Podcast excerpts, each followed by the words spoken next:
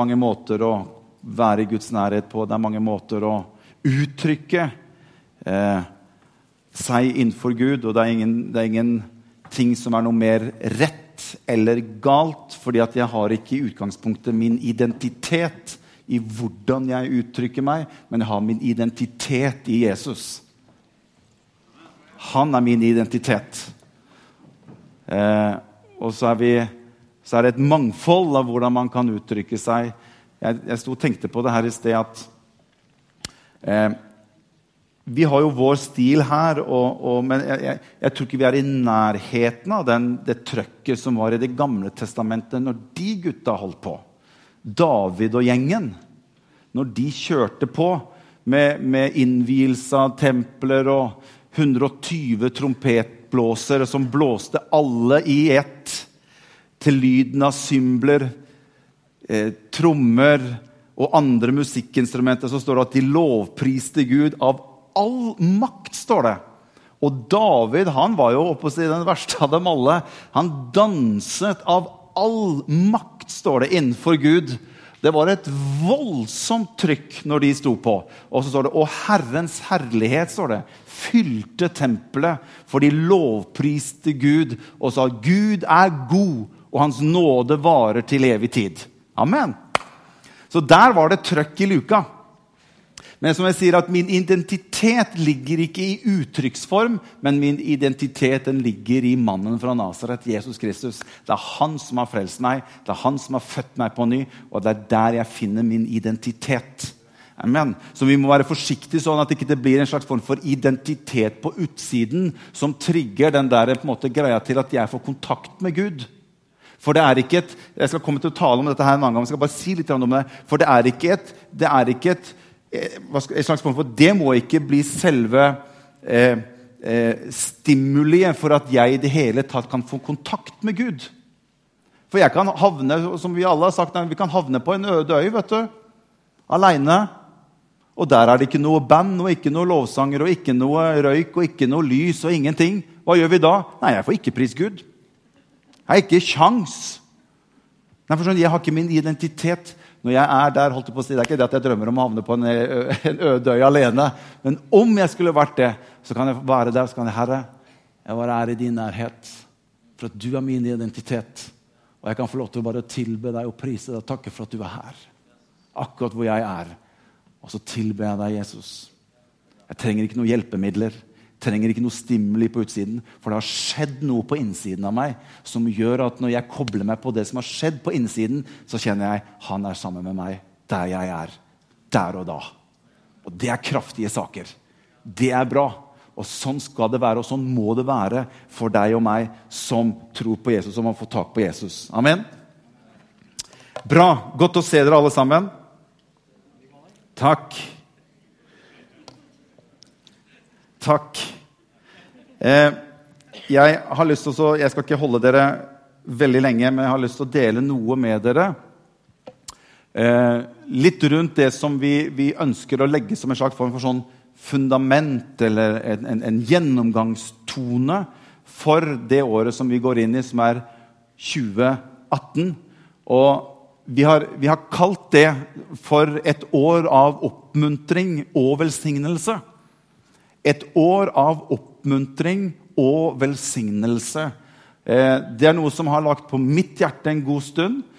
Som jeg har kjent liksom at jeg måtte ha liksom, ja, bearbeide litt. Og vi har snakket om det i lederskapet, og vi, vi ble enige om at ja, dette er noe som vi opplever at Herren legger oss på hjertet for det året som kommer. At vi ønsker at Gud også ønsker at det skal bli et år av oppmuntring oppmuntring og velsignelse. Smaker ikke det litt godt? Kjenn etter på det der. Et år av oppmuntring og velsignelse. Og Noen ganger så får du sånn nesten dårlig samvittighet, for kan du lage sånne, liksom sånne årsgreier som dette her, som er liksom nesten så, eh, så, I en sånn verden som vi lever i, liksom. For 2017 har vært et historisk år på veldig mange måter. Jeg bare, jeg bare sjekket litt på, på, på, nettet litt sånne ting som har skjedd i år 2017. Og der kom det opp 2017 har vært et turbulent år. Kanskje en av de mest turbulente år på årtier er gjennomgangstonen i nyhetsbildet for 2017. Flere store historiske orkaner har herjet mange forskjellige steder gjennom året 2017.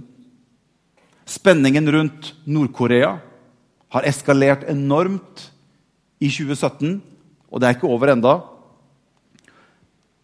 Offentlige skyteepisoder flere steder hvor offentligheten blir utsatt for attakk av mennesker. Bare den skyteepisoden i Las Vegas, hvor massevis av mennesker blir drept av at det skytes bare vilt inn i en folkemengde. Lastebiler som kjører inn i folkemengder. Nesten et nytt fenomen som bare har nesten spredt seg i 2017. Kjemiske våpen brukt i Syria i 2017. Tørke og sult, særlig i Øst-Afrika, som rammet over 20 millioner mennesker med sult og tørke i 2017. Og andre ting også. Eh, og en av de som, som kom litt på slutten, den der metoo-kampanjen som dere kjenner til, rører borti noe i folkehavet Eh, Trump som gikk ut og anerkjenner Jerusalem som Israels hovedstad. Det skaker liksom inni historien og i folket. Mye skjedde i 2017. Og da er jeg liksom litt sånn at Skal vi da kalle året det som kommer nå, for et år av oppmuntring og velsignelse? Men jeg tror at midt oppi alt som skjer, så tror jeg vi har en Gud som har kontroll på det som skjer. Han har en plan. Han vet hvordan ting kommer til å utarte seg. Og han har en plan midt oppi alt dette. For du skjønner at bak mye av dette her så går det en enorm vekkelse over hele jorden. Hvor hundretusenvis av mennesker gir sine liv og finner Jesus til frelse. Det, det, det, går som varmt, det går som ild i tørt gress over hele jorden. Og den delen kommer bare til å vokse og vokse og eskalere og eskalere. Det du og jeg ser, det er det negative. Det fryktsomme. Det hatefulle. Djevelens verk er det vi får servert i fronten. Men bak så er det en Gud som elsker mennesket og som mennesket finner til frelse og til hjelp, til trøst og til håp. Og det sprer seg, og massevis av mennesker finner Jesus til frelse. Og Gud ønsker å være en Gud midt oppi trengsel. Gud ønsker å være en frelser midt oppi vanskeligheter. Da kan han noen ganger vise seg fra sin beste side. Vet du hva det står i min bibel? Det står 'Påkall meg på nødens dag', står det. Det virker som noe at når noe er vanskelig og utfordrende, så er Gud beredt til å slå til inn i våre liv. Påkall meg på nødens dag, og du skal finne frelse. Sånn er den guden som vi tjener. Amen. Så jeg kjenner liksom i mitt hjerte at ja, det er mulig å kalle et år for et oppmuntringens og velsignelsens år. Og Jeg har lyst til å bare dele litt med dere rundt det. Er det ok? Bra. Det var to stykker. Jeg tar det som et, eh, en bekreftelse. Eh, jeg har bare lyst til å dele litt først rundt det som har med oppmuntring å gjøre. Og så har jeg lyst til å si litt om det som har med velsignelse å gjøre. Er du klar? Jeg har lyst til at Vi skal ta utgangspunkt i Hebrebrevet kapittel 10 og vers 24. Hebreerne 10 og vers 24, der står det Nå er ikke den første setningen her som jeg på en måte liksom ønsker å sånn starte året med, for det kan virke litt sånn Ja, ja, du fikk lagt inn den, ja. Akkurat, ja. Skjønner det. Men, men, det jeg vil fram til her, det står La oss ikke holde oss borte når menigheten vår samles. Det kan jeg for så vidt være enig i. Som noen har for vane. Nå kan du bare se rett fram, og ikke se til liksom, Bare se rett fram. Men så kommer det som jeg har, har, bare lyst til å dele med deg. Det er det som kommer etterpå der. For det står La oss heller oppmuntre hverandre. Og så står det noe veldig interessant. så står det, Og det så mye mer, står det. Som dere ser at dagen nærmer seg. Og det er noe av det som jeg delte litt av hva som har vært i 2017. det er at vi lever i en tid hvor ting skjer fort. Forandringer kommer raskt. Og det som står her, det står om at, at det står eh, så mye mer som dere ser at dagen Det ordet 'dagen' her, det er det som oversettes med 'Herrens dag'. Det er den dagen hvor man regner at da kommer Jesus tilbake. Det har, med, det har med enden å gjøre. Og det er det, det er det, som Paulus skriver her. Hvis det er han som har skrevet av hebreeren, så sier han når dere merker at det begynner å nærme seg at Jesus skal komme tilbake Hvis dere begynner å merke og kjenne det at utfordringer, vanskeligheter Jorden kommer til å være i bevegelse, folket kommer til å være i bevegelse Hva er det han sier? Jeg synes det er så rart han sier da må dere be mer. Ja, det skal vi gjøre.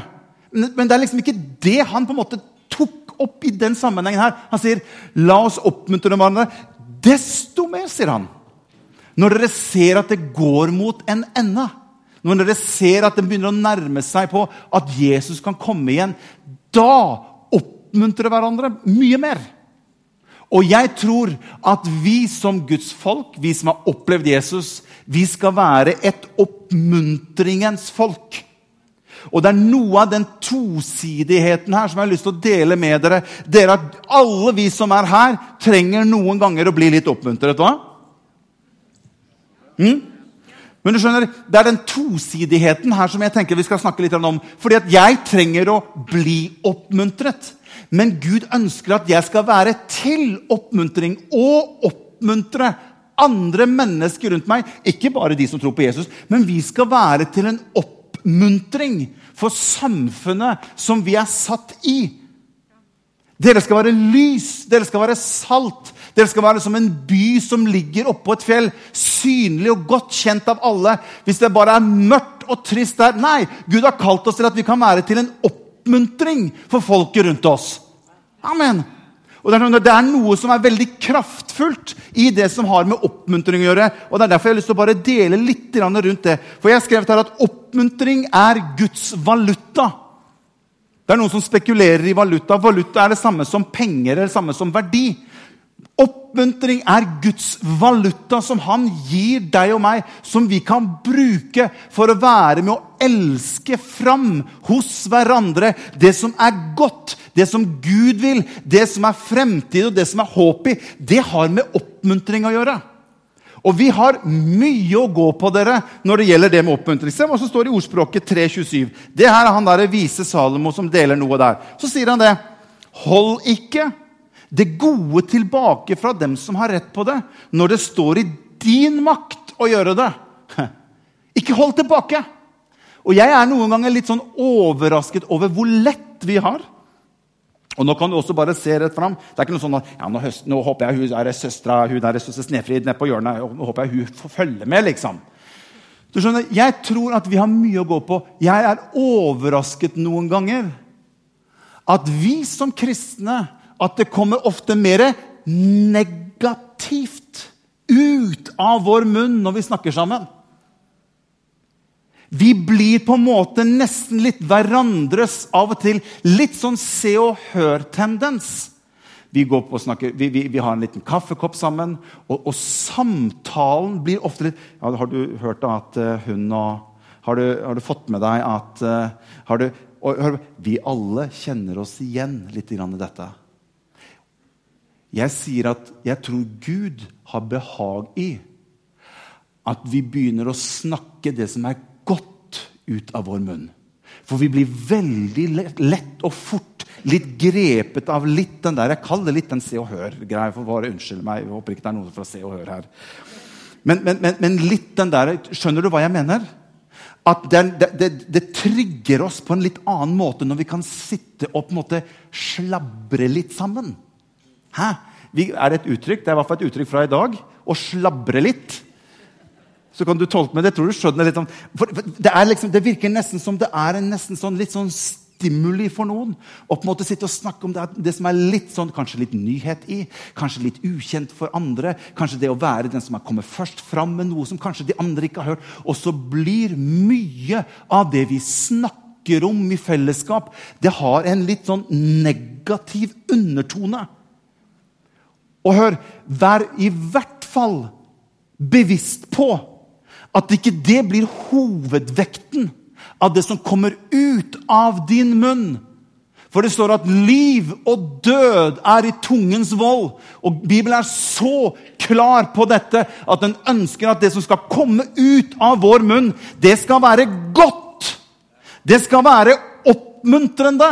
Det er ikke sikkert det gjør situasjonen bedre om du går rundt og sånn småforteller litt om hva som har skjedd, og hva som ikke har skjedd, og hvordan de kanskje burde gjort det, og hvordan han kanskje er. sånn. Det er ikke sikkert det blir noe bedre, men heller snakk oppmuntrende i de samtaler du og jeg er, slik at det kan få lov til å virke i og gjennom oss. Kanskje det er mye større resultat igjennom det enn å liksom skal sette liksom der hvor skapet skal stå, liksom, sånn at jeg får fortalt hva jeg mener, og hva jeg syns, og hva jeg ja, ikke sant? Nå henger jeg meg veldig opp igjen. Nå skal jeg gå videre.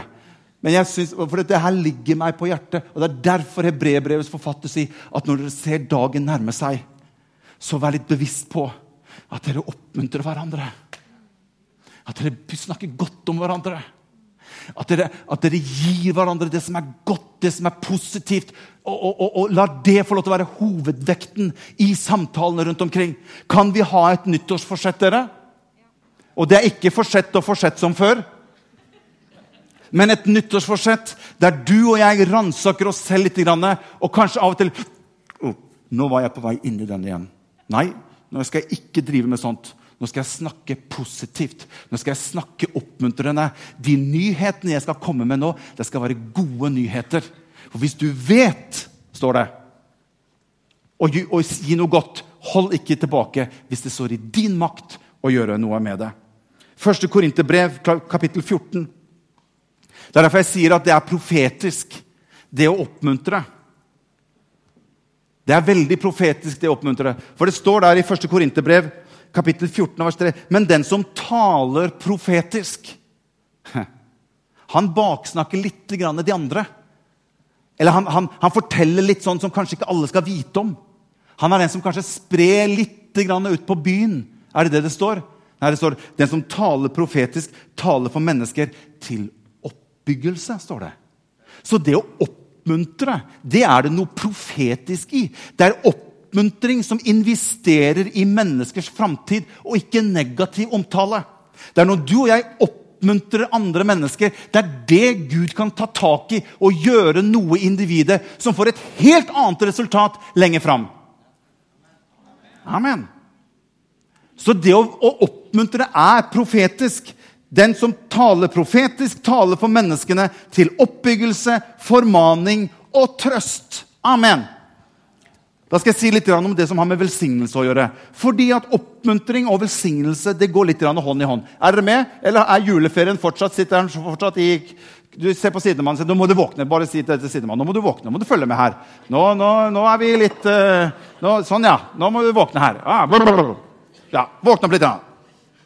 Hør, Jeg skal si litt om velsignelse. For velsignelse og oppmuntring det går litt sammen. Se hva som står i Efeserbrevet kapittel 4, vers 29. Efeserne 4, vers 29. Det var Benjamin, sønnen min, som sa at det her må du ta med deg, for dette her er bra skriftsted. Efeserne 4, 29, det står det la, Det er jo litt det er tøft, da. Vi vet at det står der, men vi liker det ikke. Det er liksom noe den derre Ja da. La ikke et eneste råttent ord komme over leppene. Altså, Det er jo ganske radikalt. Det er ganske klar tale. La ikke et eneste råttent ord komme over leppene. Si bare det som er godt! Jeg tror vi har mye å gå på, dere, alle sammen.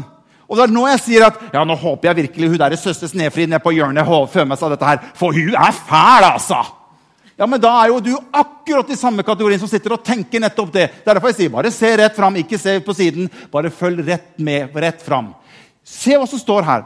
La ikke et eneste råttent ord komme over leppene. Si bare det som er godt, og som bygger opp der det trengs. Dette er forsett. Dette er nyttårsforsett for alle oss. Så det kan bli Der kommer det. Til velsignelse for dem som hører på. Et år av oppmuntring og velsignelse. Kanskje 80-90% av det vi snakker ut av munnen vår, bør være til oppmuntring og velsignelse for de som hører på når vi snakker.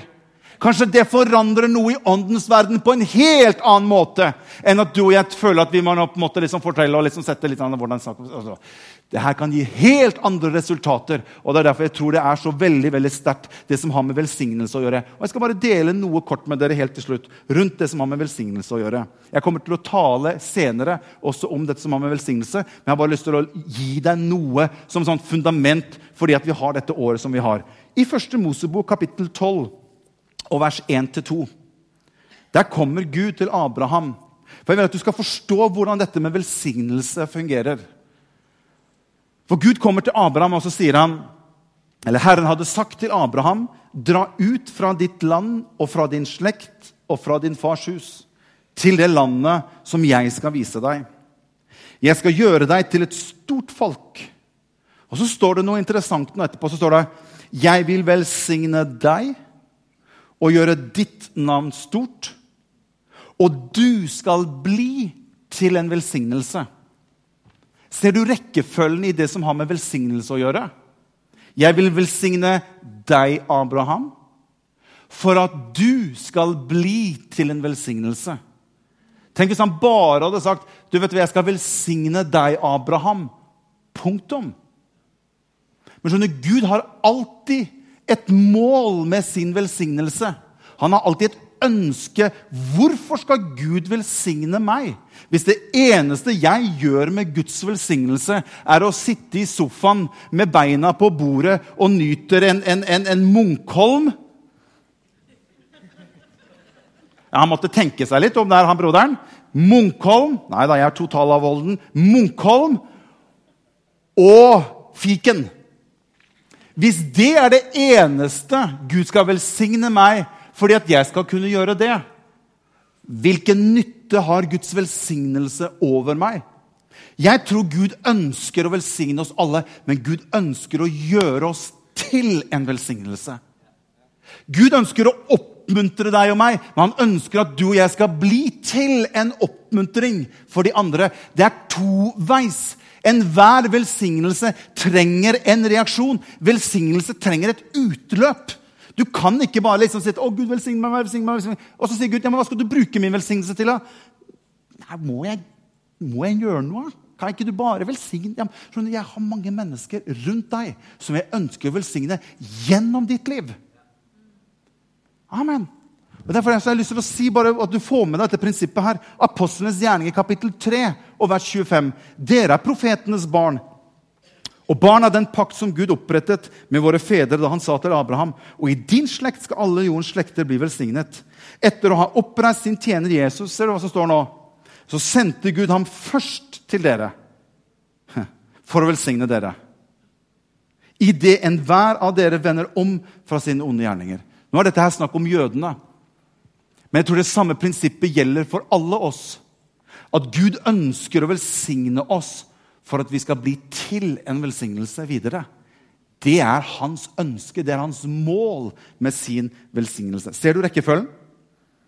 Gud ønsker å velsigne deg og meg, og han ønsker å gjøre oss til en velsignelse for andre. Jeg tror vi lenge som kristne har hatt litt, ut, litt vanskeligheter med det der med, med, velsignelse. For det kan virke som at det er litt sånn Er ikke det egentlig litt sånn egoistisk? Litt sånn selvopptatt? Litt sånn at Gud skal velsigne meg, velsigne meg, velsigne meg. Og jeg tror vi har mistet noe nettopp i det at Gud ønsker å velsigne. Det ligger i Guds natur å ønske å velsigne deg og meg. Selvsagt gjør han det. Men han ønsker like mye at vi skal være til en velsignelse for mennesker rundt oss. Dette er hans økosystem. Og hør, I Guds rike så begynner det ikke med at han først på en måte skal stappe kontoen min full av penger. hvis det er det du tenker at velsignelse er. Nei, du skjønner, Gud er slik at jeg begynner å gi ut. Så kommer han og velsigner meg. Og så kan jeg gi ut. Og så velsigner han slik at jeg kan gi enda mer ut av velsignelse som kommer ifra Gud. Han velsigner meg, så jeg kan velsigne. Amen? Så det er viktig at motivene i dette blir riktig. For det kan ikke bare være sånn oh Lord, want to give me a Mercedes-Benz, for den har jeg lyst på. Gud ønsker å velsigne deg, men han ønsker at du skal bli til en velsignelse. For han har mange mennesker rundt deg som han ønsker å velsigne gjennom ditt liv. Det er derfor Gud ønsker å utruste deg og la sin velsignelse hvile over deg skikkelig i, i, i 2018. Amen.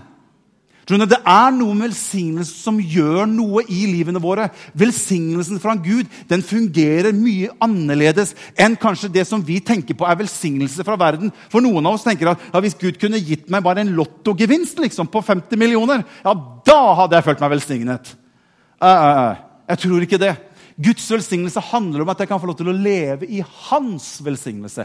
Han er min kilde, han er min velsignelse. Og der han ønsker at jeg skal bevege meg, så kan jeg få lov til å kjenne at hans velsignelse brer seg ut igjennom livet mitt. Og det er en fantastisk flott følelse som han ønsker at du og jeg skal oppleve. Eh, jeg vil at du skal slå opp i første krønikebok, kapittel 4. Jeg skal bare vise deg en liten ting her. For du skjønner, i, i Krønikeboken, som er en veldig tung bok eh, Så midt inne i liksom oppramsingen av Judas slektsliste Det er ikke den jeg sitter og leser hver dag. det må jeg bare ærlig innrømme. Men det er, noen som sitter og studerer Judas slektsliste. Men det som jeg bare vil ta fram, det er at midt inne i denne slektsopplesningen, eller listningen, så står det noe veldig spesielt om en mann som heter Jabes. Og jeg vil at du skal lese sammen med meg i første Krønikebok, kapittel 4 og vers 9. For der kommer det midt inni oppramsingen der, så står det noe interessant. Jabes var mer ansett enn brødrene sine. Hans mor ga ham navnet Jabes. For jeg har født ham med smerte, sa hun. Og så står det Jabes påkalte Israels Gud og sa Å, om du ville velsigne meg. Ja, var ikke det veldig egoistisk? Men Jabes gjorde det. Han, han henvendte seg til sin Gud og sier, å, om du ville velsigne meg og utvide mitt landområde og støtte meg med din hånd og befri meg fra ulykke og bevare meg fra smerte. Ser du Jabes bønn? Og så står det og Gud lot han få det han hadde bedt om. Amen. Føler du deg velsignet av Gud eller ikke? Det er mange mennesker som går rundt og absolutt ikke føler seg velsignet av Gud. Gud ønsker at du og jeg skal få lov til å oppleve og kjenne at jeg er velsignet av Gud. Fordi han ønsker å la sin velsignelse hvile over deg og meg. Vi skal hoppe over skriftet, så går vi gå til ordspråkene kapittel 10 og vers 22.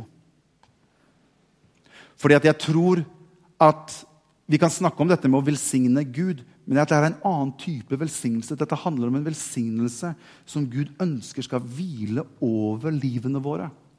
Det gammeltestamentlige ordet for velsignelse er et hebraisk ord som heter barak. Som betyr å favorisere, det betyr å ære, det betyr å skjenke gode gaver og status. Det er egentlig det det ordet, og det forekommer over 400 ganger i Det gamle testamentet. Velsignelse fra Gud. Han ønsker å velsigne din inngang og din utgang. Han ønsker å velsigne ditt liv, han ønsker å velsigne ditt ekteskap, han ønsker å velsigne ditt hjem. Han ønsker å velsigne deg på din arbeidsplass fordi han ønsker å gjøre deg til en velsignelse. Det står her i, i, i ordspråket 1022. Det er Herrens velsignelse som gjør rik. Og eget strev legger ikke noe til. Skal vi reise oss opp, alle sammen? Lovsangerne får lov til å komme fram. Det er Herrens velsignelse som gjør rik. Og eget strev legger ikke noe til. Dere, det fins en velsignelse som du kan be om at skal hvile enda sterkere over ditt liv. Og det er det jeg ønsker, og vi har en bønn for 2018 det er at det skal være et år av oppmuntring og velsignelse. For jeg føler at Gud taler i mitt hjerte at, at, Herren ønsker å velsigne deg på en mye sterkere måte enn det du har erfart til nå. Gud ønsker å være til en velsignelse for deg enda mye mer enn du har hatt han til nå. For det er hans velsignelse som gjør deg og meg rik. Og ordet 'rik' her, det handler ikke om materielle goder. Det handler om så mye mer. som ombefatter, innbefatter Guds velsignelse på så mange forskjellige områder i livet, hvor Guds velsignelse kan hvile over deg og ditt liv. Men det er lov for deg og meg å ha en innstilling ovenfor ham. Si, Gud, jeg ber om at du skal velsigne meg. Vi sier jo av og til at vi skal velsigne maten og at vi skal velsigne dagen. Men tør du å be om enda mer av Guds velsignelse over ditt liv? Tør du å be Gud om å velsigne deg inn i områder som du kanskje føler er egoistisk, men kanskje Gud nettopp har et ønske om at ditt firma, at ditt selskap, skal bli rikelig velsignet, så det igjen kan få lov til å bli til en velsignelse for Guds rike. På jobben der du er, at du kan få lov til å bli til en enda sterkere velsignelse for mennesker rundt deg, på skolen, blant venninner. At vi skal være oppmuntrende, og vi skal være velsignet. Halleluja. Det er fantastisk å kjenne på det. At jeg kjenner at jeg er velsignet av Gud. La oss bare lukke våre øyne. Det fins en velsignelse som Herren ber at Moses skal ut altså, som, som, Moses skal utlyse, eller lyse ut, over presteskapet i den gamle pakt. I 4. Mosebok kapittel 6 jeg har lyst til å si den velsignelsen til alle dere som er her i dag. I 4. Mosebok kapittel 6 og vers 25 så står det Herren talte til Moses og sa Tal til Aron og hans sønner slik skal dere velsigne Israels barn. Og så sier Gud, si til dem. Si til dem. Herren velsigne deg og bevare deg. Herren la sitt ansikt lyse over deg og være deg nådig. Herren løfte sitt åsyn på deg og gi deg fred. Si det til dem, Moses. Og Gud kaller deg og meg til å være oppmuntrende og være til velsignelse for andre mennesker. Og så står det til slutt slik skal de legge mitt navn på Israels barn, og jeg vil velsigne dem. Halleluja. Det er kraft i velsignelse. Det er kraft i oppmuntring. Når du velsigner noen, så står du innunder Guds velsignelse. Og hans velsignelse kan slå igjennom ditt liv. Dine ord, dine handlinger. Så slår Guds velsignelse igjennom og treffer. Fordi han vil at du og jeg skal være til velsignelse for andre mennesker. Så jeg velsigner dere i formiddag, dere. Jeg velsigner ditt ekteskap, jeg velsigner deg på jobben. Jeg velsigner deg på skolen. Jeg velsigner ditt liv. I Jesu navn. Ta imot Herrens velsignelse, og la den få lov til å bli enda sterkere deg til del i ditt liv. Halleluja. Vi synger litt sammen. Vi synger litt sammen.